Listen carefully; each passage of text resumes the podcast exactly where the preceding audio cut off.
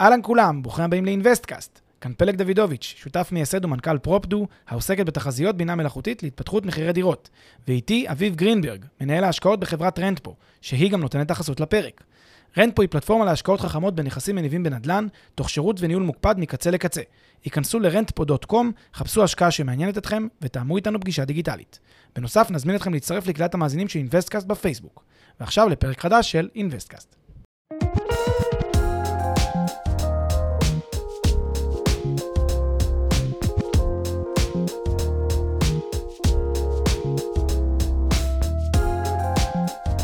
שלום לכולם, שלום פלג. היי אביב, מה העניינים? מצוין, מה איתך? פנטסטי. yes.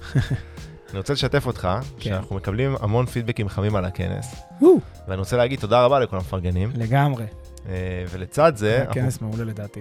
גם לי, אני נהניתי מאוד, ולפי הפרגונים נשמע שגם המאזינים מאוד נהנו. נפלא. לצד הפרגונים אנחנו מקבלים גם הרבה פניות של אנשים שפספסו את הכנס. לצערי אין לנו הקלטה שנוכל לשלוח למי שפספס, מהמם. אבל בקרוב מאוד אנחנו נפרסם מועד של כנס נוסף. כנסים למעשה, כל הזמן אה, יהיו לנו כנסים נוספים ואפשר יהיה להגיע לכל בדיוק, אחד. אנחנו נהנינו מאוד ואנחנו הולכים לחזור לריטואל קבוע של כנסים, ובקרוב מאוד יהיה כנס נוסף. גם אה, פרונטלי, לאו דווקא בזום, קצת כן, ניפגש, נכיר, סוף סוף mingling, קורונה. בירה. חד משמעית. כן. אז תמשיכו לעקוב אחרינו, אה, גם כאן וגם בקבוצת הפייסבוק של אינווסטקאסט, ובקרוב מאוד ניתן את הפרטים. אחלה. היום בפרק אנחנו אה, תוהים על גורלן, סליחה, של קרנות ההשקעה. מהמם. לאור פסק דין די נוקב וגורלי, כפי שאתה אומר, אה, שהוציא בית המשפט המחוזי השבוע אה, מפי השופטת אה, רונן מהמם. בעניין הגשמה. כן. אתה אומר שהוא כזה, שהוא מאוד מאוד אה, גורלי, איך, אה, אני עדיין תוהה למה. משמעותי. מאוד משמעותי. אני, עדיין לא הבנתי. למה, אני אשמח להבין. כן. לפני זה נתחיל עם איזה disclaimer לגבי כן. זה, חשוב להגיד. קודם כל, מדובר בהחלטה לאישור תובענה ייצוגית, ולא באיזה פסק דין סופי. נכון. אה, ואנחנו גם לא מכירים את, ה, את, ה, את, כל ה, את כל הנתונים של המקרה ואת כל מה שהיה שם, אלא אנחנו יודעים ממה ש, מההחלטה שפורסמה. אה, ואתה אומר שהיא משפיעה השפעה דרמטית על גורלן של קרנות השקעה בישראל, ותכף תסביר לנו מדוע. מהמם, בהחלט. נתחיל בקצרה על קצה המזלג.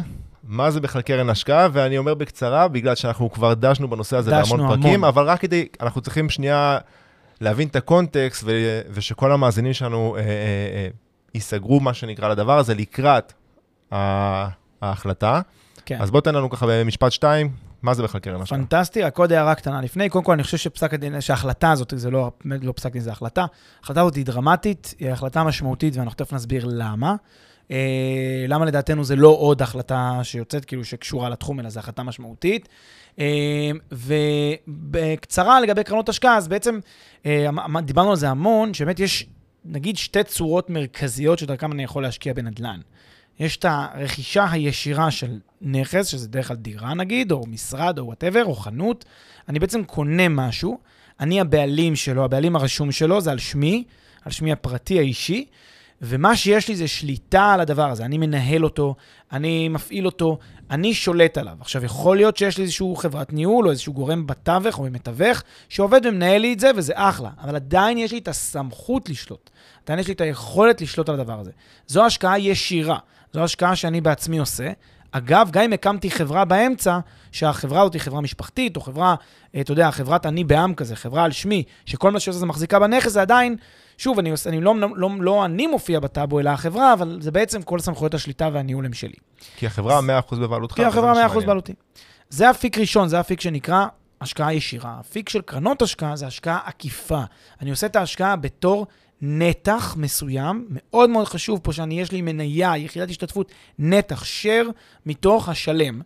וזה גוזר איתו כמה דברים שאחר כך יחזרו לאורך הפרק שהם מאוד מאוד מרכזיים וחשובים, שזה הפסיביות, העובדה שזה יותר נוטה להשקעה פיננסית מאשר להשקעה בנדל"ן, אנחנו תכף נסביר את הדברים האלה. התלות הגדולה שלי ביכולת הניהול והיזמות והשליטה של מישהו אחר, והעובדה שאני פסיבי, אין לי שום שליטה. אין לי שום יכולת לא- להחליט, לעשות דברים בעצמי, לבד. אני תלוי בעוד אנשים כי יש לי נתח קטן מתוך השלם. זה המקום שמדברים על קרן השקעה, בשונה מהשקעה ישירה בנכס. אין לך שום עצמאות בקרן השקעה בכל מה שקשור לנכס. בדיוק. אין לי עצמאות uh, מלאה. יש לי עצמאות מסוימת לדברים שמוגדרים בהסכם השותפות. אני יכול להציע דברים להצבעה וכולי, אבל עדיין צריך להחליט ביחד בהצבעה. שום דבר לא תלוי בי באופן בלעדי. אוקיי, אז זה ההבדל בין קרן, השקעה באמצעות קרן להשקעה ישירה בנכס. נכון מאוד. בגלל שהקרן מדבר, uh, סליחה, ההחלטה מדברת על כל מה שקשור להצעה לציבור, אז אולי גם נעשה את ההבחנה בין קרן הון פרטית לבין כן. uh, קרן ציבורית או חברה ציבורית יזמית, נקרא לזה. בדיוק, אז, אז באמת, מבלי להיכנס יותר מדי, זה לא פרק משפטי, הפרק פה יותר פרק עסקי ויותר פרק שהוא, uh, לדעתי, יותר במקום הזה, אז נעשה קצת בקצרה את הרעיון. בגדול, חברה כלשהי, תאגיד, אישות משפטית, כשהיא הולכת ומגייסת כסף למיזם שלה, בסדר? היא פונה, uh, יכולה לפנות לכל מיני גורמים. יש גורמים שהם יותר מתוחכמים, גורמים שהם פחות מתוחכמים, ויש את הציבור. הציבור תמיד, לפי היסטורית, כן, היסטורית של דיני ניירות ערך ועולם ניירות ערך, הציבור הוא תמיד ציבור אה, חסר הגנה, חסר אה, כישורים, חסר, הוא הדיוט בתחום, הוא לא מבין, הוא לא מומחה, אין לו את הכישורים המתאימים לעסקת נדל"ן. זה המשמעות של ציבור לפי, לפי התכלית של חוק ניירות ערך. וכשחברה רוצה לגייס כסף מהציבור, יש רגולציה מאוד קשיחה וקפדנית של חוק ניירות ערך ורשויות ניירות ערך. אגב, זה לא רק בישראל, יש גם את ה-Securities Exchange Commission בארצות הברית, שיש לה שיניים לא פחות חדות מאשר השיניים של ניירות ערך ישראלית. ובכלל ההיווצרות של הרשויות האלה בעולם, של הרגולטור הזה, רשויות ניירות ערך, היא בעקבות פרשות הונאות שאנחנו כולנו מכירים, ההיסטוריה של, אתם יודעים, ברני מיידוף וכל מיני כאלה אנשים, שבעצם עשו הונאות פונזי, הונאות פירמידה כאלה, שבעצם גייסו כספים בצורה ערמומית. אה, והונו אה, עשרות אלפי, מאות אלפי אנשים תמימים וגרפו כסף רב. וההגנה העיקרית שבאת, שחוק אה, ניירות ערך מטיל, זאת אומרת, מקיים, סליחה, למשקיעים בהשקעה ציבורית, בקרן ציבורית, היא באמצעות החובה של החברה הציבורית להוציא תשקיף לפני שהיא בעצם אה, אה, מציעה את אה, היחידות ההשתתפות שלה לציבור, את המניות של בדיוק, מה שבעצם אומר, מה שאומרים חוקי ניירות ערך אה, ב, ב, בהגדרה הבסיסית שלהם, כשאתה מבצע איזשהו גיוס כספים לאותה חברה, לאותה, לאותו תאגיד, אתה צריך להיכנס בשער של דיני ניירות ערך, ואיך נכנסים בשער של דיני ניירות ערך? באמצעות... ספר, חוברת כזאת ארוכ, גדולה, מלאה בעמודים, 300 עמודים לצורך העניין, שהוא קורא תשקיף. תשקיף זה משהו שמכיל מידע שהוא מהותי למשקיע הסביר, זה נקרא גילוי נאות. אתה מכיל מידע שהוא בגדר גילוי נאות למשקיע הסביר, ומידע מהותי, כן? ו... את זה אתה מוציא כדי שהציבור יוכל לקרוא, ואז לקבל החלטת השקעה מושכלת והחלטת השקעה מודעת. זה היומרה של תשקיף. בדיוק. ואתה מחייך כי אתה כבר, כי אתה חושב שיש איזושהי בעיה עם היומרה הזאת. כי זה, זה קצת, זה סוג של פיקציה, להניח שאותו משקיע אדיוט, כמו שה, שהפסיקה אומרת, קורא את התשקיף של לפעמים גם מאות העמודים שמוציאה, שמוציאה החברה לפני שהיא... לפני שהוא קונה את המניות שלה, מה שנקרא. יפה. אז כאן יש תשובה לזה. נכון שכנראה משקיעים רבים לא קוראים את התשקיף. אולי כן חלק, אבל לא כולם, זה אין ספק. אבל לפחות מה שקורה בתהליך שבו התשקיף הזה יוצא, התשקיף נעשה בהיתר רשות ניירות ערך. היתר רשות ניירות ערך זה אומר שאנליסטים של רשות ניירות ערך ישבו על התשקיף מילה אחר מילה ובדקו שהמצגים שמוסר שמוסרת החברה באמצעות התשקיף, הם נכונים. זה נקרא due diligence, בדיקת נאותות של נכונות התשקיף. גם עורכי הדין שמעורבים בפרסום התשקיף וחתמים, כל מי שחתום על התשקיף בעצם עשה due diligence ובדק שמה שכתוב בתשקיף אמת הוא. באיזה מובן הוא אמת? לא, זה לא אומר שההשקעה תצליח. זה אומר שמה שכתוב שם באמת קיים. למשל, אם אומרים שלי יש נכס, בש... של החברה הזאת יש נכס ברחוב ככה וככה במונטנה בארצות הברית, אז שבאמת מישהו בדק שעל שם החברה רשום נכס בעיר הזאת והזאת, בשכונה, ברחוב הזה וזה במונטנה. אז בעצם זה הגילוי, הגילוי הנאות שמבוצע בתשקיף. הוא מייצר גילוי נאות, הוא מייצר מידע, והוא מוסר למשקיעים את הדבר הזה, כדי שהמשקיעים יוכלו לקבל החלטה מושכלת ומיודעת. עכשיו, בעצם העובדה שיש דרישה לתשקיף, הדרישה הזאת ומה שכרוך בכניסה לעולם של ניירות ערך, זה פעולות מאוד מאוד יקרות שעולות הרבה כסף, ולכן יזמים, בעלי חברות, מנסים הרבה פעמים לעקוף, to bypass, את דרישת התשקיף, ועדיין לייצר מצב שהם מגייסים הון לחברות שלהם. הם כאילו רוצים לאכול את העוגה ולהשאיר אותה שלמה. להצליח לגייס מהציבור, אבל מבלי לפרסם את זה תשקיף, בלי לעשות בתשקיף ובלי להיכנס לעולם של רגולציה וממשל תאגיתי וכל הבירוקרטיות של, של חברה ציבורית, הם רוצים לעשות את זה בצורה איכשהו פרטית, מחוץ למלתעות של דיני ניירות ערך. ויש גם עניין אחר, זאת אומרת, אם שנייה נחזור לקונטקסט, אנחנו את כל הדיון הזה התחלנו לגבי השאלה מה ההבדל בין קרן השקעה פרטית לחברה ציבורית שמשקיעה בנדל"ן.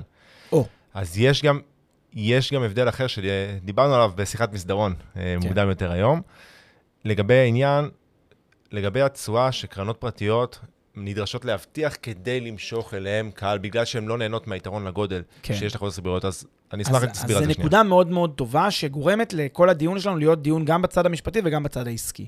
צריך להבין שהקרנות השקעה, שאנחנו, אה, שאני באופן אישי, ואולי אחרים גם נרתעים מהן, אחת הסיבות שאנחנו נרתעים מהן, בהרבה מאוד מצבים, לא מכולן, אבל לפחות מחלק גדול מהן, אה, זה בגלל שמה שהן עושות, הן עושות פרויקטים יזמיים.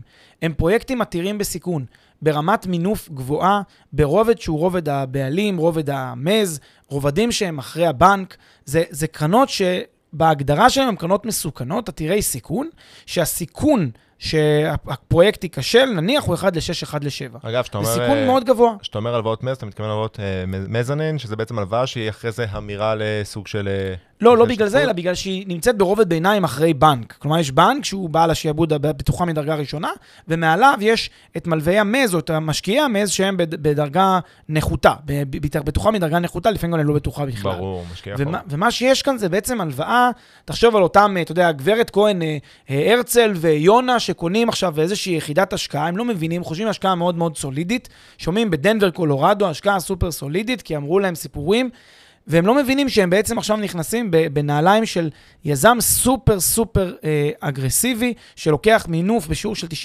95%, והם ברובד הכי הכי מסוכן של הפרויקט, שכל אפצ'י בשוק, הקרן שלהם יורדת לטמיון. רמת ההפתעה פה היא מאוד גבוהה, והם לא, לא מודעים לזה. עכשיו, מלכתחילה, הסיבה שבגללה קרנות ההשקעה נוטות לסוג כזה של השקעות, זה בגלל שיש הבדל בין השקעה כיחיד לבין השקעה בתאגיד. זכרו שהשקעה כיחיד זאת השקעה יותר פשוטה. אני לבד קונה את הנכס, הנכס על שמי, זה די straight forward, יש היבטי מיסוי פשוטים יחסית, זה יחסית ברור, ברור. בין אם אני קונה בעצמי או בחברת ניהול, אבל העיקרון הוא שיש נכס שנרכש על שמי, זה כן. נכס שלי, מבחינה מיסויית, מבחינה אה, משפטית, זו עסקה יחסית פשוטה וזולה, יחסית. קרן השקעה לעומת זאת זה אופרציה. זה עשרות משקיעים, מאות משקיעים, זה תפעול גדול, זה בנקים, זה מימון, זה, זה הרבה מאוד דברים שהם משולבים, זה משפטיות, גם פה, גם פה, זה הרבה מאוד בירוקרטיה, זה עולה הרבה כסף. כדי שיהיה בשר, כדי שיהיה אפשר לממן את זה, ועדיין לתת למשקיעים תשואה של יותר מ-2%, הרי אם זה סתם, אה, אתה יודע, אתה קונה דירת יד שנייה במרכז העיר, בלי שום פוטנציאל, אתה תקבל 2% תשואה, אז אנשים יגידו, לא בשביל זה נרשמתי. אז כדי שזה יהיה משהו עם פוטנציאל, אז מה שעושות הקרנות, הן נוטות ונמשכות באמת לפרויקטים יזמיים, זה גם עובר טוב שיווקית. הם יגידו לך 15% תשואה, ואתה מבסוט. שוב, הרצל ויונה מבסוטים, אומרים, אני אקנה בשביל 15% תשואה. אז מלכתחילה המשיכה של הקרנות, וגם פה הבעיה הראשונה איתן, הן נמשכות אל פרויקטים יזמיים. פרויקטים יזמיים לא מתאימים בהגדרה למשקיעים מסוימים, למשקיעים שזה, אתה יודע, כספם האחרון, או משקיעים שעבורם, שהם לא מבינים מה הם עושים, והם נכנסים, הם לא מבינים שהם נכנסים לקרן שהיא מאוד מאוד מסוכנת ויזמית. אגב, הסיבה, הסיבה ש... שזה עלויות גבוהות ביחס, ביחס למחיר שהם מגייסים, היא, ואולי אנחנו ניגע בזה אה, בהמשך, אנחנו באמת רוצים לשמור את זה על קונטקסט עסקי ו... ורק את, ה... את המינימום משפט ש... שנדרש בשביל זה, אבל בגלל ההגבלה של, אה, של חוק ניירות ערך בהצעה לציבור, זאת אומרת, כדי שהם לא, הם רוצים הרי, הם רוצים שלא לא לחשב חברה ציבורית, ולכן הם מוגבלים מאוד בלהציע לעד 35 ניצאים כדי לא לחשב אז- כהצעה לציבור, ובגלל זה, בהש... זה הם מתחילים סכום מאוד מאוד נמוך. בהשוואה אליהם, חברה ציבורית יש לה יתרון לגודל, כי יש לה, יש לה את אותן עלויות, אה, לפחות פר פרויקט, ש... שיש לה קרן, כל עלויות הקמה, אבל היא מגייסת הרבה יותר כסף, ולכן ביחס לעוגה, זה סחום מאוד נמוך, כן, והם יכולים להציע תשואות הרבה יותר סולידיות. בדיוק, אז יש פה גם את העניין שבגלל שכמות המשקיעים קטנה, עוד לא נגענו בזה בנושא של כמה הגבלה כדי לה- להתגבר על התשקיף, מהמם. כי אנחנו עוד לא בסייגים לתשקיף, אבל אתה צודק לחלוטין שגם הקושי הזה והרצון או המשיכה של אותן חברות, אותן אה, חברות אה, קרנות, אל אותם פרויקטים יזמיים עתירי סיכון, זה גם בין היתר בגלל שכמות הכסף שהפול שהן מגייסות הוא פול קטן יחסית בהשוואה לחברות ציבוריות יזמיות. שחברות ציבוריות יזמיות זה עסק אחר, זה חברה, אתה בבורסה, אתה משקיע בסכומים קטנים, זה לא עסקה שאתה כל כולך משקיע 300-400 אלף שקל בחברה הציבורית הזאת, אלא אתה בתיק, זה בתמהיל, אתה אף לא תשים 300 אלף שקל רק בחברה אחת, שהיא חברה ציבורית בתחום הנדל"ן היזמי, זה הרי לא נתפס לעשות את זה, והיא עצמה, אגב, מפוזרת על עשרות ומאות אפילו פרויקטים, ועדיין אתה לא תשקיע את כל הונך האחרון בחברה כזאת. אז למה שתעשה את זה כשאתה עושה בקרן השקעה? לפני שנמשיך, כמה שניות מזמנכם. הפרק בחסות רנטפו, פלטפורמת השקעות חכמות בנדל"ן עם האנשים שמאחורי אינוויסטקאסט. רנטפו מאפשרת לכם להשקיע בשקיפות וביעילות בנכסים מניבים, תוך ליווי וניהול מוקפד ומקצועי מקצה לקצה. היכנסו ל-rentpo.com, חפשו השקעה שמעניינת אתכם ותאמו איתנו פגישה דיגיטלית.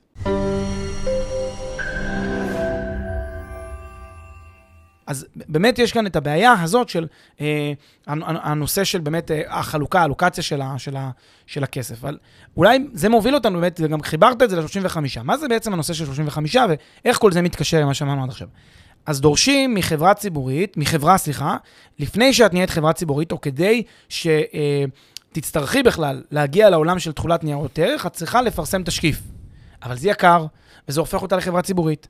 זה דבר מאוד מורכב. אז מה עושות החברות? הן מחפשות את הדרך להימלט מאותה דרישה להפוך לחברה ציבורית. תכף זה גם מוביל אותנו להחלטה של השופטת רות רונן בבית המשפט המחוזי. ופה זה גם הקישור. מה זה אומר להימלט מהדרישה של החוק? בעצם בחוק עצמו יש אה, פטורים, שהפטורים האלה אומרים שאם אתה נופל על אחד הפטורים או הסייגים האלה מתחולת החוק, אתה לא צריך תשקיף. לענייננו רלוונטיים בסדר? לענייננו רלוונטיים שלושה סוגים. הסוג הראשון זה מה שנקרא משקיעים כשירים. משקיעים כשירים זה משקיעים שהם לא הדיוטות, לא מקרב הציבור. משקיעים כשירים זה שחקנים מתוחכמים.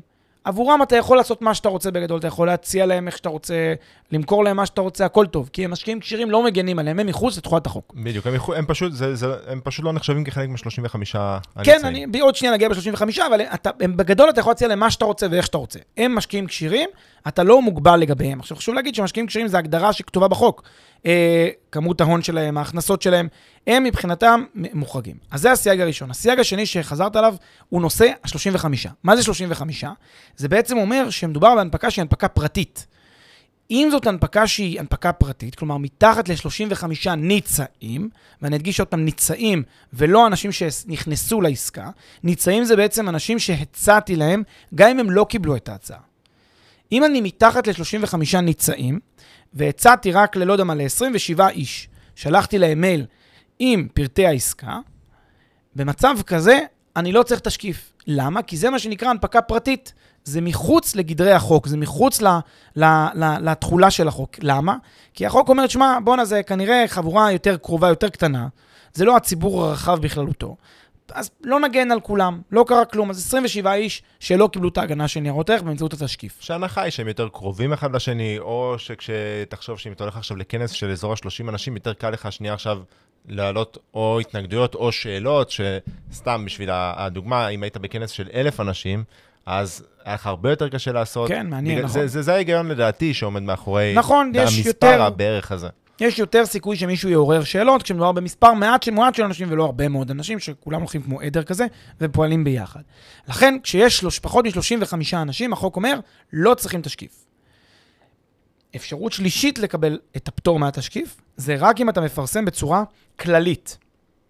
פרסום כללי, לפי החוק, זה אומר פרסום בעצם שלא הכללתי בו נתונים שהם ספציפיים וקונקרטיים על ההשקעה.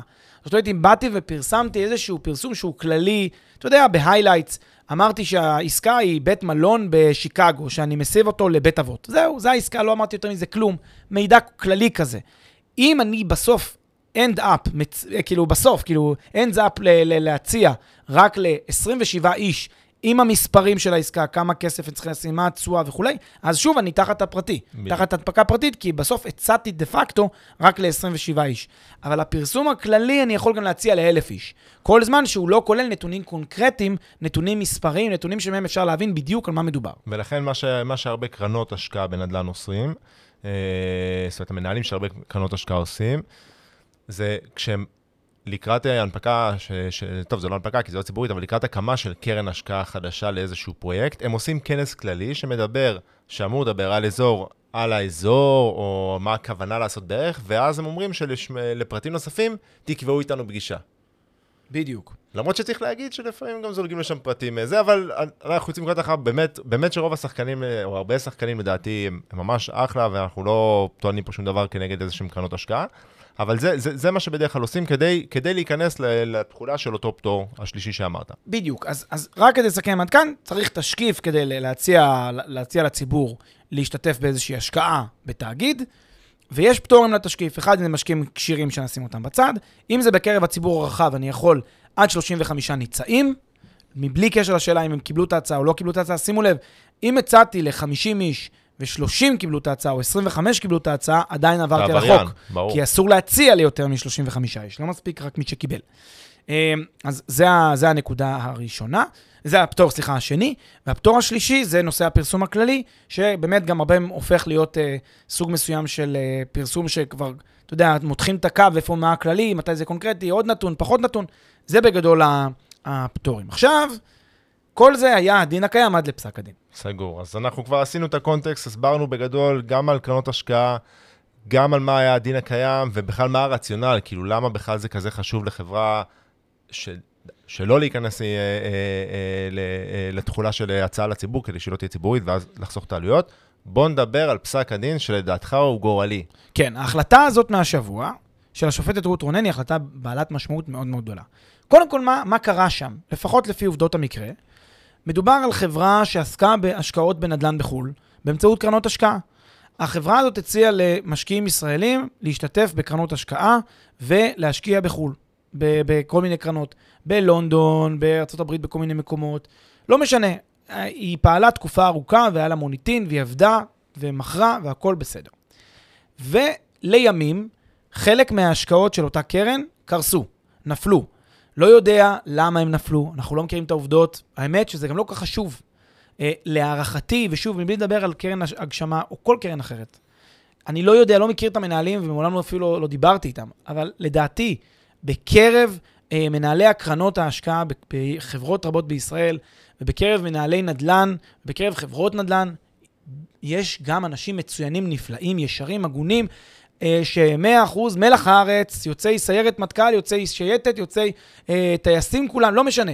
כולם אנשים נפלאים. ועדיין זה לא כל כך משנה למציאות שכשעושים עסקה שבה בונים איזשהו מתחם עכשיו חדש, מסבים מתחם גולף למתחם, לפארק מים, אז 1 ל-6, 1 ל-7 ייפלו, לא משנה כמה טובים האנשים שמעורבים בתהליך. הסברנו את זה גם באחד הפרקים ומסבירים את זה ללא זה סוף. זה עניין סטטיסטי, זה פשוט עניין סטטיסטי, וככל שאתה מעלה את פרופיל הסיכונים, וכשאתה הולך לפרויקט של אתה מעלה את פרופיל הסיכונים, וזה בסדר גמור, אם אנשים לוקחים את זה בחשבון. נכון. שעל זה אנחנו גם צריכים שנייה לדבר, אבל ככל, שאתה, ככל שהסיכונים עולים, זה עניין סטטיסטי, שלא כל, לא כל ההשקעות יצליחו, זה לא עניין של רמאות, זה פשוט, אתה לא יכול להילחם עם הסטטיסטיקה. יפה. וכאן, במקרה הזה, אה, השקעות נפלו. השקעות נפלו לפי, לפי לפחות העובדות שמתוארות בהודעות, גם בפרסומים בתקשורת, השקעות של משקיעים נפלו לפי מה שנטען. שוב, אנחנו לא מכירים את הנתונים, אז אנחנו נהיה זהירים, לפי מה שניתן, ההשקעות, חלק מההשקעות נפלו. עכשיו, מה קרה? הגישו אנשים תביעות כנגד הקרן על אה, נפילת ההשקעות. עכשיו, במסגרת הגשת התביעות, הם הגישו הרבה עילות. זה תכף, עכשיו, הנקודה הזאת חשובה, כי זה יסביר לך למה יש פה פסק דין דרמטי. יש הרבה עילות שאפשר כנגדן להגיש תביעה נגד קרן. אפשר להגיש תביעה נגד קרן על רשלנות, על אי בדיקה של דברים מסוימים. לא בדקתם את הקרקע, לא בדקתם נכון את יחסי הכיסוי, לא בדקתם נכון מול הבנק, לא בדקתם נכון את המצב המשפטי, היזם רימה אתכם. זה דברים במישור הרשלנות. זה דברים במישור של גרמתם לי נזק בגלל שהייתם רשלנים. הגישו כאן גם תביעה נוספת במישור אחר, במישור של ניירות ערך. תביעה ייצוגית בגין הפרת חוק ניירות ערך. על איזה בסיס? על הבסיס שכשהצעתם לי להצטרף להשקעה, עשיתם את זה לא לפי תשקיף כפי שנדרש. זו עילה אחרת, זו עילה נפרדת משאלת הרשלנות. אתם צריכים להבין שברגע שבו הגשתם תביעה מעילה של דיני ניירות ערך, אז זה לא כל כך משנה אם הייתה רשלנות או לא הייתה רשלנות, זה לא כל כך משנה אפילו אם ההשקעה הצליחה או לא הצליחה. זה לא משנה, כי אם מישהו הפר את חוק ניירות ערך, גם אם ההשקעה נפלאה, הוא עדיין הפר את חוק ניירות ערך. למה? כי, כי חוק ניירות ערך זה עילה, זה עילה עצמאית. זה, זה עבירה פלילית לעשות את הדבר הזה של להציע ללא תשקיף, זה עבירה כמובן מינהלית, זה כמובן יכול, כמו שאמרה גם השופטת רות רונן, לגרום לכספי השבה, להשבת שזה- כספים, שזה עילה עצמאית ונפרדת מבלי קשר לשאלת הרשלנות. בדיוק, זה, זה הנקודה העיקרית, זה לא, זה נפרד, אבל זה גם, זה גם השבה הרבה יותר, הרבה יותר גבוהה, זאת אומרת, רשלנות, אתה תקבל, ואנחנו לא ניכנס פה למשפטי, אבל רשלנות, אתה תקבל פיצוי על, הנ, על, על הנזק שנגרם לך. זה לא אומר שכל החוזה בטלים. בטל, ואתה תקבל בחזרה את כל הכסף שהשקעת. בדיוק. שזה כן, כן, זה, כן, היא אומרת שכן יש אפשרות שזה יקרה, אם העילה הזאת תתקבל, אבל, הייתה אבל הצעה אני עוד לציבור. שם בצד רגע את, ה- את הפיצוי, כן? אני עוד שם בצד את הפיצוי. יותר מעניין אותי ה- ה- ה- הנקודה שקמה פה עילה עצמאית, שבאה ואומרת שיש, יכולה להיות הפרה של אה, דיני ניירות ערך מעצם הפרקטיקה הזאת, ושהפרקטיקה הזאת במוקד, ועכשיו תבין גם למה זה חשוב הדבר הזה וההשלכה שלו היום, ולמה זה מאוד חשוב על ההשלכה שלו היום. מה הפרקטיקה אז- לפני זה אז, אולי? אז, אז, אז רגע, תכף, אני תכף מגיע לזה. בפסק, בהחלטה הזאת בעצם נדונה הפרקטיקה של הקרן, לפי מה שמתוארת שם בעובדות, פרקטיקה שלפיה הקרן פונה למשקיעים ואומרת להם, חברים, רבותיי, בואו תיכנסו לאיזושהי השקעה, שולחת להם במייל מצגות עם מידע על ההשקעה, ובסוף סוגרים בסוף סגרו בכל קרן כזאת שהקרן גייסה, שהגשמה לכאורה, לפי הנתונים שם גייסה, נגיד היא גייסה 200 קרנות, ולכל קרן כזאת, בסוף השקיעו 25 נגיד, 27, 12, 8, לא משנה, השקיעו פחות מ-35 איש.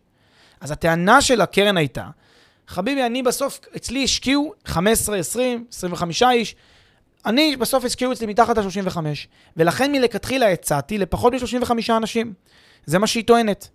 אבל מה שהשופטת קובעת, זה שהמצגות שאותה קרן הגשמה שלחה למשקיעים שלה, המצגות כללו מידע קונקרטי, מידע מספרי, עם תשואות, עם תחזיות, עם נתונים. כלומר, היא העבירה ליותר מאשר 35 אנשים מידע שהוא מידע קונקרטי, לא מידע כללי. אבל זה... המצגות הם... הכוונה היא שאת המצגות הם שולחים הרי אחרי אותו כנס כללי שהם סופר זה, לא, פרויקט. זה לא, משונה, לא משנה, אבל דה פקטו, הם שלחו את המצגות ליותר מ-35 אנשים.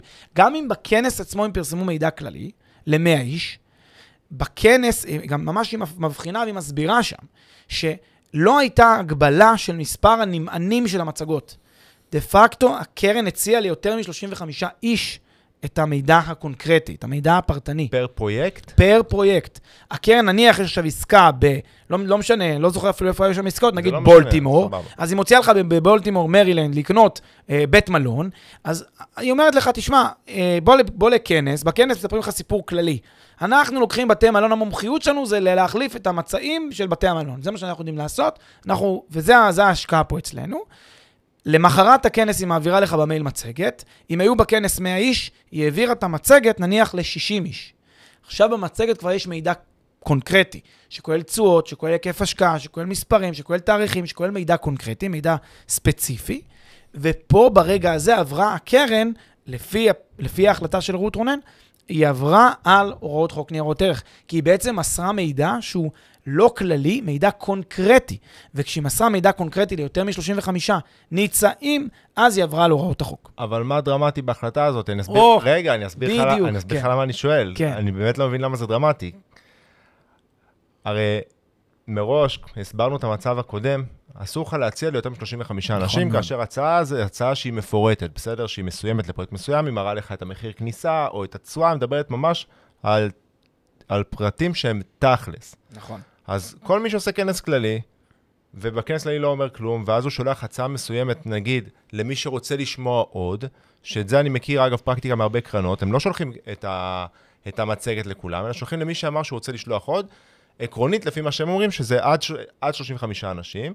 אז כל מי שעושה את זה, לא, הכל טוב. זאת אומרת, לא עבר על החוק. כל מי ששלח ליותר, כמו, אם זה מה שניתן פה, ליותר מ-35 אנשים, אז הוא עבר על החוק. זה לא חידש כלום. נכון. מה שחידש זה העמדה שלפיה ברגע שהמשקיע מחליט אה, ברש, שברצונו להגיש כנגד הקרן עילת תביעה עצמאית שלא קשורה לרשלנות, שהיא מקורה בדיני ניירות ערך, נסללה לו פה הדרך.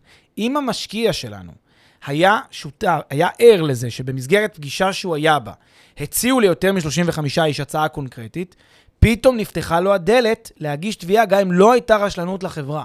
ואז מה שקורה, יצרת פה לקרנות השקעה חשיפה משפטית חדשה שהם לא היו, לא, לא הייתה להם, חשיפה משפטית חדשה, שאומרת להם, אם היה משהו, נפל רבב באיזושהי השקעה שבה הצעתם ואנשים השקיעו, עכשיו, גם אם לא התרשלתם, גם אם לא הייתה לכם רשלנות, מספיק שהצעתם ליותר מ-35 אנשים, הנה, בית המשפט אומר, כדי שהחוזים יהיו בטלים, כדי שאולי אפשר לעשות אפילו השבה של הכסף, גם בלי קשר לשאלת הרשלנות.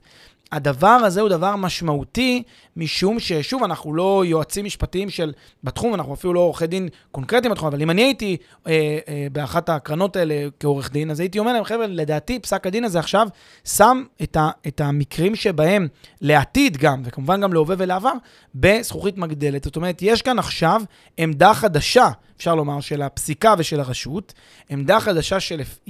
זה נכון שזה מה שהיה כתוב בחוק, זה נכון, אבל האימפליקציה, המשמעות של מה שעולה מפסק הדין זה לא מספיק שזה כתוב בחוק ו- וזה היה כזה סוג של אות מתה. הרי הרבה חברות, ממה שאני ראיתי ב- ב- בתקופה, כן, אתה יודע, רואים בלי סוף, חברות שמציעות כל מיני הצעות כאלה. הרבה חברות חטאו בזה, עשו את הדבר הזה בקרנות ההשקעה שלהם.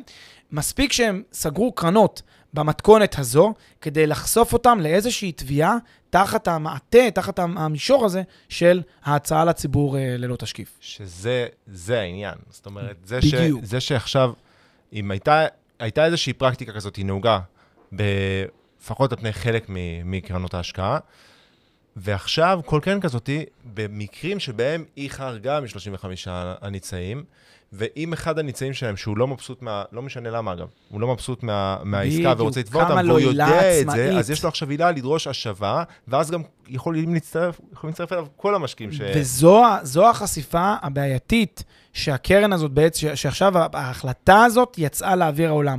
אולי תכף גם נדבר על דעתי האישית, על הכיוון הזה, על החמרת הפסיקה, על החמרת הקו. אולי אני גם תכף אתייחס לזה ברמה האישית, אבל זה רק לידיעה, זה בדיוק הנקודה פה, שכאשר אנחנו מדברים על איזושהי החלטה שלכאורה, לכאורה היא רק מיישמת את הדין, האמירה הזאת של השופטת שאומרת, אתם, בעצם העובדה ששלחתם במצגות אחרי הפגישה ליותר מ-35 אנשים, היא בעצם אומרת, חבר'ה, הפרקטיקה הזאת שהייתה נהוגה, היא פרקטיקה שהיא גורמת לזה שהחוזים האלה לא חוקיים, הם פסולים. אפשר לבטל את החוזה, אפשר להתנער מהעסקה ולדרוש את הכסף חזרה, זה משהו מאוד מאוד משמעותי בעיניי, לפחות לפי איך שאני קורא את זה, ולדעתי זה צריך לשנות תפיסות, לשנות מציאות בקרב קרנות השקעה. כי בואו לפחות נסתכל על זה מבחינה יותר uh, מערכתית. לקרן השקעה זה לא כל כך פשוט, לא כל כך פשוט, בלשון המעטה, לגייס כסף, נניח היא צריכה מיליון דולר, שני מיליון דולר, חמישה מיליון דולר, יותר. אפילו יותר, עשרה מיליון דולר, לא כל כך פשוט לגייס כסף תחת, תראה מה הם צריכים לעשות כדי לעמוד בהוראות החוק. הם צריכים שיהיו להם 25 נגיד איש, או 30 איש, שזה לא יהיה גבולי אפילו, כי גם 34 זה מפחיד קצת, זאת אומרת 30, 30 איש, שאותם 30 זה אנשים שהם מרגישים בתחושת בטן שלהם, שמה שהם יציעו להם הם ייקחו, וזה בוודאות. כי מספיק שהם, אתה יודע, שרפו את הבן אדם, הציעו לו, והוא לא לקח, כדי שמישהו ידע מזה ויזכור ויתבע אותם. זה מאוד מאוד רגיש, מאוד מאוד בעייתי הפסיקה, לפחות מהבחינה הזאת של הקרנות. זה יוצר פה חשיפה חדשה, ולכן בעיניי, שוב, זה, זה דרמטי במובן של מה זה, מה זה יוצר בדינמיקה הזאת של הקרנות. לדעתי, יש סיכוי שהדבר הזה יגרום לשינוי פונדמנטלי של אופן העבודה בקרנות, אלא אם כן הם יהיו, ירצו לקחת סיכון לחשיפה משפטית, זה זכותם כמובן, אבל הם צריכים לדעת שיכול להיות שהדבר הזה יהיה, יסתיים לא טוב. אני פשוט חושב שהם ייקחו יותר פרויקטים שהסכום הנדרש בהם הוא יותר קטן. זאת אומרת, הם מראש יצמצמו לפרויקטים של יזמות ב... לא יודע, מגרשים יותר זולים, אזורים יותר זולים, או, או דברים, או מגרשים יותר קטנים, או מה שזה לא יהיה, כדי שלצורך העניין, אם עד עכשיו הם גייסו, ואני סתם זורק, עשרה מיליון דולר פר, או חמישה מיליון דולר פר פרויקט, אז עכשיו הם יגייסו אה, שלושה וחצי מיליון דולר כדי להבטיח שיש להם את, אותו, את אותה דלתא שמחפה עליהם. כן, אז זה גם מאתגר, זה לא פשוט, והם צריכים לעבוד יותר קשה, והם צריכים זה, אני לא, לא יודע מה, מה ילד יום, אבל מה יוליד יום, אבל ללא ספק זה מכניס להם עוד, אה, עוד level כזה של מורכבות, אה, שלדעתי פשוט כבר הופך את ה... בגדול, מה שהרמיזה של בית המשפט ושל אה, רשות ניירות ערך לפרקטיקה של קרנות, חבר'ה, די. זה מה שהיא אומרת. תוציאו את השקף. די, תסגרו, אל תלכו לכיוון הזה. זה, זה באמת רמיזה כבר, באמת, מכל הכיוונים, הרמטית, סוגרים את זה. אה, וצריך לזכור, אתה יודע, היום מסתכלים ואומרים, טוב, אה, אנשים מזלזלים כי הוגשו הרבה תביעות נגד קרן הגשמה. צריך לזכור שקרן הגשמה הייתה סוג של חלוצה בתחום הזה עם המון השקעות, הרבה מאוד לקוחות, אני חושב שגם הרבה לקוחות מרוצים בחלק מהזמן. זאת אומרת, היא הייתה סוג של חלוצה, אה, זו הייתה תקופה, תקופה, תור הזהב של קרנות ההשקעה. אה, אז, אז זה נכון היום ש, שכאילו קל לנו היום להגיד בזלזול, טוב, מה, בסדר, אבל הם נפלו כל כך הרבה, אז זה, זה טוב הפסיקה הזאת. מי שחושב את זה. אבל לדעתי זה לא בדיוק המצב, זה לא ממש ככה, זה ממש, לדעתי, שם את עולם קרנות ההשקעה בסוג של נקודת מבחן, בטח בישראל, באופן הזה, ולדעתי צריכה להיות פה חישוב מסלול מחדש, על אף שאם תרצה להיכנס לזה, גם יש לי דעה קצת יותר עמוקה על כל הדבר הזה. ניכנס לזה עוד שנייה, אני... זה, זה, זה מזכיר לי וזה מתקשר לדיון שאמרנו מקודם על ההבדל בין uh, קרן השקעה לחברה ציבורית, כי שוב, זה הרמיזה של בית המשפט, ציוד השקיף תהיו ציבוריים. העניין הוא שהרבה אנשים, כמו שאמרת, אתה לא תשים הרי את כל הכסף שלך בקרן ריט. אז אין סיבה שתשים את זה על קרן השקעה. הרבה אנשים חושבים שאם אני עכשיו רוצה להיות חשוף לנדל"ן באירופה, נדל"ן בחו"ל, אז אני אשקיע אה, אה, את כל הכסף שלי בקרן השקעה שעושה את זה. אבל אי אפשר להשוות את זה, וגם על זה דיברנו אה, אה, מוקדם יותר, אי אפשר להשוות את זה ל...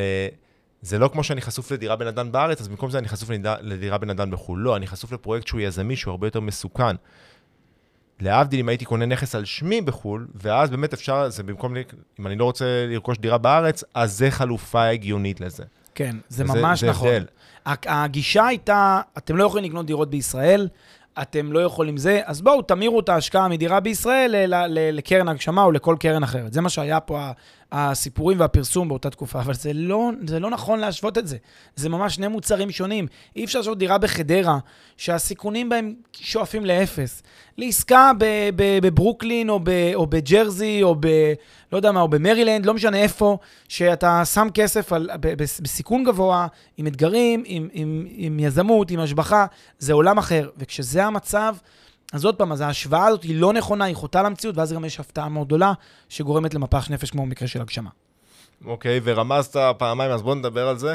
כן. Uh, יסודות החוק, ה... בוא נקרא לזה הבעייתיות לדעתך. עזוב, מה הגישה שלך על החוק הזה? תראה, קודם כל, אם הייתי צריך לעצב את, ה, את, עולם, ה, את העולם של, של ניירות ערך מלכתחילה, הייתי בא בגישה, אני דוגל בשוק חופשי, אני דוגל בחופש, ואני אומר שלתפיסתי, החוק ניירות ערך הוא חוק פטרנליסטי מדי.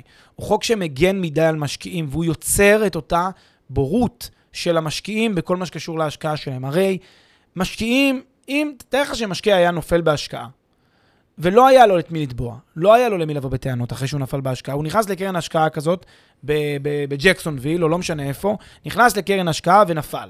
תאר לך שלא היה לו את מי לתבוע, תאר לך שלא היה לו פתחון פה בבית המשפט. מה היה קורה? היית רואה שאנשים בורחים מהקרנות האלה, מי נכון. נשאר? שחקנים מתוחכמים. שחקנים שיש להם את היכולות. מה זה היה עושה? זה היה משפר את המצב. למה זה היה משפר את המצב? כי באמת זה לא מתאים לאנשים פרטיים קטנים להשקיע בקרנות האלה. מה לעשות? זה כאילו לא מתאים. זה לא, זה, זו, כאילו, זאת האמת. זה לא שזה, אתה יודע, אה, אה, אתה, אם אתה משקיע שיש לו הרבה כסף ויש לך יכולות, אז תשקיע בזה, אחלה. אבל אם אתה משקיע שזה לא מתאים לך, שאתה, אם, אם אתה תיפול בעסקה, זיקה עד כדי כך אתה תכעס, אתה תתפוצץ מזעם, אתה תלך תתבע, אז זה לא מתאים לך. נו, אז מעולה, אז למה אתה נגד השקיף? לא, מצוין. לא, מה שיצר החוק, כמו כל חוק שיוצרים אותו, הוא כאילו בא ואומר, בוא נפתור, בוא ננסה לתכנן את השוק. נגיד, יש לכם חובת תשקיף. עכשיו, בתוך החוק, כל עורך דין שמייצג וכל חברה שעושה את התחום, שמנהלת, שעוסקת בתחום, תנסה להגיד, אוקיי, יש חוק, נהדר, בואו נעקוף את החוק. בואו נמצא את הפרצות בחוק. בואו ננסה למצוא את הדרכים שבהם אנחנו מתחת ל- לרדאר נעשה. אז דע לך, זה התחיל עוד הרבה לפני כל מה שאתה רואה היום בפסיקות היום. אני לימדתי ניירות איך, אני מכיר את התחום הזה מאוד טוב מפסיקות היסטוריות מלפני 20-30 שנה, שאנשים היו עושים במעטפות מעבירים מידע, או כל מיני כאלה מודלים כאלה יצירתיים, הייתה פרשת קלאבוטל וכל מיני כן. פרשות לאורך השנים, שבהם אנשים עשו בכל מיני דרכים יצירתיות ניסיון לעקוף את החוק, אה, וניסיון איכשהו להתגבר על, על הדרקוניות שלו. זה תמיד יקרה, תמיד כשיש את החוק הזה, ו- וזה לא חופשי לחלוטין, תמיד אנשים ינסו למצוא את הדרך לעקוף את החוק, ואז מה שיקרה זה יתפוצץ בסוף באיזושהי נקודה, אחרי הרבה זמן שניסו את הפרקטיקה הזאת, הצליחו לעקוף את החוק באיזושהי צורה, ואז אנשים טובים ואז מה עושים? עוד יותר מהדקים את החוק. ואז מה קורה? אנשים יעקפו גם את ההידוק ולנצח, וככה חוזר חלילה. אבל אם לא תהיה ואת את ההגנה... הבעיה לא פתרת, כי במקום להגיד לבן אדם, תישא באחריות להשקעות שלא הצליחו, כי נכנסת להשקעה יזמית מסוכנת, ואתה צריך לשאת באחריות, אתה מסיר ממנו את האחריות, אתה גורם לו, מודד אותו לבורות, ומודד אותו לקבל החלטות שהן החלטות השקעה שגויות. זה, זה הדבר הזה בעיניי הוא, ה- הוא הבעיה, ולכן... בהקשרים האלה, אני הייתי בכלל בגישה שמוטב שלא היה את החוק הזה, מוטב שאנשים לומדים בדרכים, בדרכים שהן פרשת נגיד ברני מיידוף, פרשה שבה יש עוקץ של, של מיליונים, לדעתי הייתה עושה כל כך הרבה רעש, אבל לא הייתה מחייבת חקיקה. אנשים פשוט נמנעים מכל מיני שרלטנים, מכל מיני נוכלים, שמוכרים להם כל מיני סיפורי מעשיות. אבל הם היו זה הרבה נמנעים- יותר חכם. נמנעים- זה היה יוצר קיפאון, כי הם היו נמנעים מלהשקיע בכלל בשוק. אבל אולי לא צריכים את זה. בכלל, למה מה, למש... ב- באף כלי יש יש באף להם הרבה השקעה? כלים, יש להם הרבה כלים שאפשר לייצר כלים נבונים וכלים טובים, ויש מנגנונים שהם מנגנונים שהם לא רשות ניירות ערך, או לא מנגנונים כאלה, שיכולים לצאת, להגיד לך מה, איזו השקעה היא השקעה טובה. אני אתן לך דוגמה. למשל, תאר לך שכל חברה שרוצה לגייס כסף, כן, באה ואומרת, אני אה, הולכת לחברה חיצונית, שהחברה החיצונית, כל מה שהיא עושה בחייה, זה נותנת סטמפה על נאותות המצגים של... זו חברה פרטית חיצונית, יש תחרות גם. ואז אם אני אה, הולך לחברה חיצונית כזאת, מקבל את הסטמפה שלה, שכל מה שעשיתי הוא נכון, אז אני יכול בעצם להשקיע אצל אותה חברה שהיא חברה שעשתה את כל הגילוי הנאות ועשתה את כל מה שצריך. אז בעצם יש לי סטנ... סטמפה. אבל יבוא מישהו ויגיד לך, שאז מה שיעשו, כל עוד אין על זה שום רגולציה, שום פיקוח, יעשו יד ביד עם החברות. אתה תראה פתאום שחברה, שחברה שהיא מוציאה, אה, שרוצה ל, אה, לגייס כסף ממשקיעים, אז פתאום יש לזה תלך חברה... בד- ותשלם חברה- לחברה. או שהיא עושה, מקימה חברה בדודה, שאף אחד בכלל לא יודע שהן קשורות, כי גם אין חובת גילוי. אם כך, אז, אין גם, אז, אז, אז לאותה חברה קשורה שתקום, אין מוניטין כסטמפה, ואף אחד לא ייקח ברצינות את הסטמפה שלה. אבל אם יש חברה שהיא חברה רצינית, בעלת מוניטין, נגיד היו לך איזה עשר חברות דירוג כאלה, יש הרי את זה, הרי בתחום של אג"חים זה יש חברות דירוג, ויש בהרבה תחומים הרבה חברות דירוג כאלה, שנותנות כל מיני תקנים וכל מיני עמידה בתקני איכות, זה חברות פרטיות. הן נותנות לך, אה, לך את החותמת שלהם, אני בדקתי, אני ראיתי, זאת הערכה שלי למצב של, ה, של התאגיד הזה, ו, ותיקח או לא תיקח את הסיכון. שאגב, גם איתן היה סיפור בארצות הברית, לקראת- המשבר של 2008, שהם נתנו חותמת למשכנתאות אה, סוג... אה, יש. תמיד, יש תמיד משברים, ויש תמיד הונאות, ויש תמיד אה, נוכלויות, גם בחברה בשוק אה, חופשי וגם בשוק שהוא שוק ריכוזי. תמיד השאלה הוא מה, מה האלטרנטיבה. יותר ריכוזי, פחות ריכוזי. אני חושב שבנטייה, אוקיי, בנטיית הלב, עוד פעם, שלי, אני חושב שחוק ניירות ערך ורשות ניירות ערך זה יותר לכיוון העודף ריכוזי. אם אני הייתי יכול לבחור, הייתי מעדיף שלא יהיה. יש היגיון With במה שאתה אומר, כי, said- כי החברות האלה הם בעצם יהיו שחקן חוזר, זאת אומרת, ברגע שידעו שהם המליצו, בשביל הדוגמה, וכי הוא הלך לעולמו, אז אני מקווה שלא אכפת לו, בשביל הדוגמה, ידעו שהם המליצו על, על מיידוף. אף אחד לא יקנה, אף אחד לא יסמוך עליהם. בהמשך, בדיוק, הם לא לא יסמוך על. הסטמפה שלהם, נכון? בדיוק. אף אחד לא יסמוך עליהם, ולכן אה, השוק יעשה יעשה את שלו.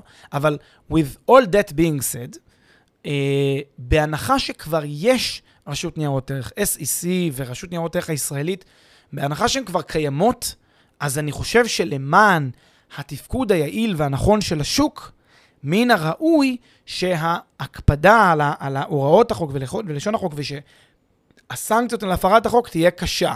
ולמה? כי מאחר שזה כבר קיים, אז ההיגיון אומר שכבר לפחות יהיה אישור קו בין החברות, ולא שיהיו כאלה שחקנים שימצאו דרך לעקוף את הוראות החוק. שוב, אנחנו לא מדברים פה על, על שחקן קונקרטי או על חברה קונקרטית, אבל שכבר במצב כזה שלפחות תהיה איזושהי סנקציה שיותר חזקה, כדי שלא אה, לא יהיה את האינטרס או את התמריץ לעקוף את החוק. וזו המהפכה של פסק הדין, שכל מי שעקע צד, כל מי ש, אה, שעיגל פינות עד עכשיו, פתאום עכשיו יש לו חשיפה על כל מה שהיה. כן. וזו זה המהפכה. הבעיה, וזאת הבעיה שבאמת אה, פסק הדין הזה יוצר, או ההחלטה הזאת יוצרת. אה, מעניין אם יוגש על זה ערעור, מעניין לאן, לאן יתפתח התיק הזה. יש הרבה, יש הרבה אינטרסים בשוק להגיש את זה ערעור, אני בטוח, בגלל החשיפה הגדולה שזה יוצר. אנחנו נמשיך לעקוב אחרי זה, מעניין, באמת מעניין לאן זה, בהחלט אה, לאן זה ילך. מעניין, וצריך לזכור שכל הסיפור הזה הוא בלי קשר לשאלה הנוספת שמתעוררת בכל התיק הזה, שלגביה בכלל לא התייחסו בהחלטה אתמול, לדעתי, והיא שאלת הרשלנות. האם היו מצגים שלא נבדקו, האם הייתה התרשלות בנוגע לדברים... וזו שאלה אחרת לגמרי, ושם יצטרכו, אתה יודע, להוכיח שהיה דברים שאפשר היה לבדוק, ושזה לא היה תלוי במנהלי הקרן, ושזה פה ושזה שם, זה דברים ש... אתה יודע, כל פעם שיש זה, אז, אז טובים על רשלנות. פה התביעה היא מזן אחר לגמרי, עם שיניים אחרות לגמרי, ופה גם יש בעיות מסוג אחר, יכולות להיות פה אולי גם בעיות אה, פליליות, אני לא יודע, לא, לא, לא מספיק בקיא באכיפה פה, אבל יכולות להיות דבר, כל מיני וריאציות ובעיות מכיוונים כאלה, ולכן בהחלט פסק דין מרעיש לפחות לטעמי. שאלה לסיום. כן. בעיני המשקיע, איך אה, משקיע לוקח את כל המידע שעשינו ומתנהג הנה, משקיע לפי השופטת רות רונן, קיבל פה כלי תביעה, מכשיר תביעה נגד קרנות ההשקעה. אה, זה, אני לא יודע אם זה כזה תקין, זה היה הרצון, ה... זה, לזה התכוון המשורר, אבל זה לפחות מה שהוא קיבל כפועל יוצא מההחלטה. אבל אם אה, נגיד מה עוד המשקיע צריך לעשות, לדעתנו, ושוב, אני, אני חושב שקרנות השקעה זה כלי מאוד מאוד חשוב לצמיחה, לצמיחת הון, אבל הוא כלי מאוד מאוד חשוב לצמיחת הון של שחקנים מתוחכמים, של שחקנים, של משקיעים כשירים, של שחקנים שמבינים מה הם עושים. בן אדם שיכול להפסיד אה, אה, 2 מיליון דולר, יכול להשקיע 100 אלף דולר בפרויקט כזה. ש, כי, כי זה לא מדגדג לו, אם הוא יפסיד עוד 100 אלף דולר, זה לא מדגדג לו, זה עוד, זה עוד 10% מהון ההשקעה שלו, זה בכלל לא מזיז לו. בן אדם שה-100 אלף דולר האלה הם ההון האחרון שלו, אז זה פשוט לדעתי לא בשבילו. ושוב, זאת האמת, זה ככה אני חושב על זה, כי זה נורא פשוט. כי הוא צריך לשאול את עצמו, מה אם זה לא יהיה פה מחר ה-100 אלף דולר? איך אני ארגיש? האם uh, אני, אני, אם אני אשתגע, אני מרוב כעס, ואני אלך לתבוע את כל העולם? אם התשובה היא כן, ורוב האנשים, מה לעשות, זה המצב, אז זה לא מתאים. כאילו, אז... אז כפועל יוצא, כמשקיעים, אנחנו צריכים להבין שהחקיקה הזאת במקרה הזה כן מגנה עלינו, כן נועדה לטובתנו, וצריך לקבל אותה.